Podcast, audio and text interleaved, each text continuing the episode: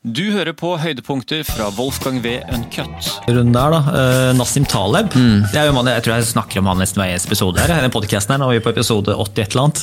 og, det, og Jeg har jo lest alle bøkene hans, og jeg tror sikkert noen lyttere også begynner å øh, fange det opp. Også til min store glede, min forrige gjest her, uh, Asle Toje, uh, kjenner du til han? Mm. Han øh, dukka bare opp midt i samtalen til han var jo en god venn av Nassim Taleb. De pleier å møtes når de er i utlandet eller han er i Norge. og sånne ting. Så det var sånn, Da ble jeg jo helt sånn i alle dager, her vi snakke om veldig mye. Men du er også bekjent av Nassim Taleb? Ja, altså jeg traff han første gang i 1984, mener jeg. Ja, såpass lenge siden. Da var han da var, jobbet han i Bank Paribas og var invitert av eller var, ja, var invitert av eh, det som i dag er DNB, DNC den gangen, til Oslo. Og så traff jeg han i forbindelse med det. Um, og så har jeg jo holdt foredrag på, på, samme konferanser som han i New York et par ganger, og også i, i Dubai. Uh, og truffet han ved, ved et par, par, andre anledninger også. Men den, altså den, jeg, den som opp opplagt kjenner han best i Norge, er Espen Goiderhaug. Ja, jeg vet. Altså, Espen og han er veldig nære. Ja, og han, Espen blir jo også nevnt i, i bøkene stort, ganske ofte. Eller tror jeg Espen er smart. Ja. Han er ekstremt smart. Han er slett nesten for smart. Ja, ja det kan godt, si, kan godt si det på den måten òg, men han er, han er virkelig, virkelig dyktig. Ja.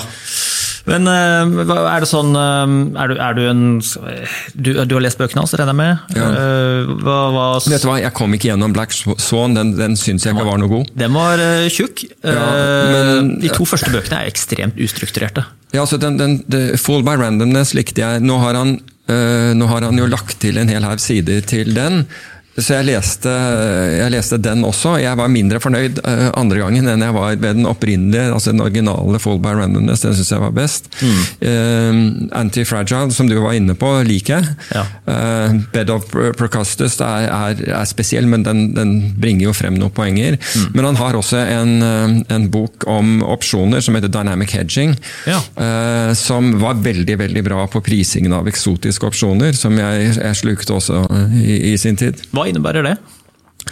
Ja, Det er rett og slett hvilke matematiske prisingmodeller, eller hva er eksotiske opsjoner, er det du tenker på? Ja, begge deler, egentlig. Ok, eks Eksotiske opsjoner er f.eks. Uh, uh, En vanlig opsjon gir deg en kjøpsrettighet eller en salgsrettighet på, på la oss si en aksje eller en valuta.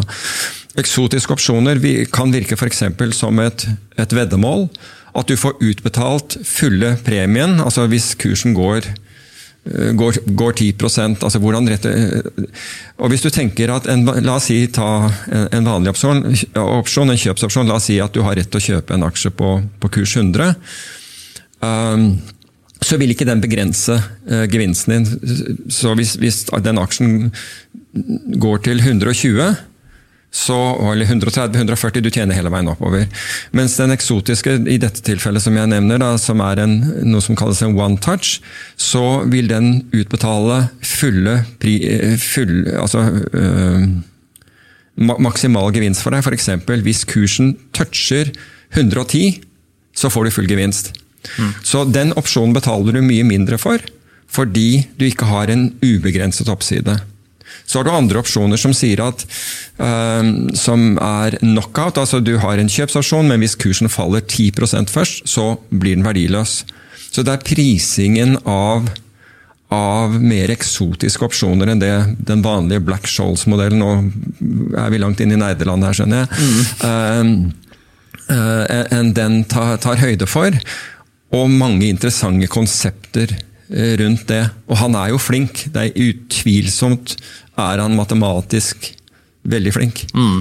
Men det, Bruker du mye av Nassim sitt skal vi si, tankegods, ideer, inn i ditt arbeid og ditt virke? Eller ditt, altså ditt privatliv? altså Antifragile jeg tenker jeg mye på i mitt som privatliv, f.eks. Ja, Antifragile og, og, og, den Fooled by Randomness. altså det er Kanskje Fooled by Randomness var den som på en måte var jeg vil ikke si øyeåpne, men den, den, satte i ord mange av de tingene du jeg, hadde, jeg selv hadde tenkt. Altså hvor mye som F.eks. hvis du hvis du har tjent penger et år, hvor mye som egentlig er, er bare indeksen eller bare markedet som går opp. altså Du føler deg kjempesmart, mm. men, og, men, kanskje du ikke engang har holdt følge med markedet engang. Altså, så, så, det er egentlig bare tilfeldigheter det du gjør. Du, du, det var en bølge som kom, mm. og så var du med på den. Og i ettertid så vil du, og sånn er vi som mennesker, vi lager et, da, et narrativ som gjør oss smarte. Mm. Altså når, når, når, historien er kjent, da har vi en tendens til å si å, nå skal du høre hvorfor jeg egentlig gjorde det der. Mm. Jeg oppdaget et eller annet som er helt, ikke sant, som du ikke engang tenkte på. Men det verste er at vi klarer å innbille vår egen hjerne, eh, hjerne eh, at dette er sannheten, slik at vi faktisk tror det er sannheten. Mm.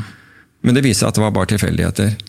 Og veldig mye i finans, veldig mange resultater i finans, er et utslag av randomness. Mm. Eh, eller et utslag av at man har tatt mye mer risiko enn en folk er klar over. Og den 'Fooled by Randomness' er en god bok som på en måte henleder på det. Og, og slik at, Tilbake til det som spørsmålet ditt. Jeg, jeg, jeg gjør mye analyse på det for å se om er, jeg, er, det faktisk jeg som skaper disse, disse resultatene, mm. eller er dette bare en funksjon av noe annet? Har jeg en sånn principal component som faktisk gir meg denne fordelen? Eller bare tror jeg at jeg har, har denne fordelen, altså den matematiske fordelen, mm. i det jeg gjør? Wolfgang V. Ankat.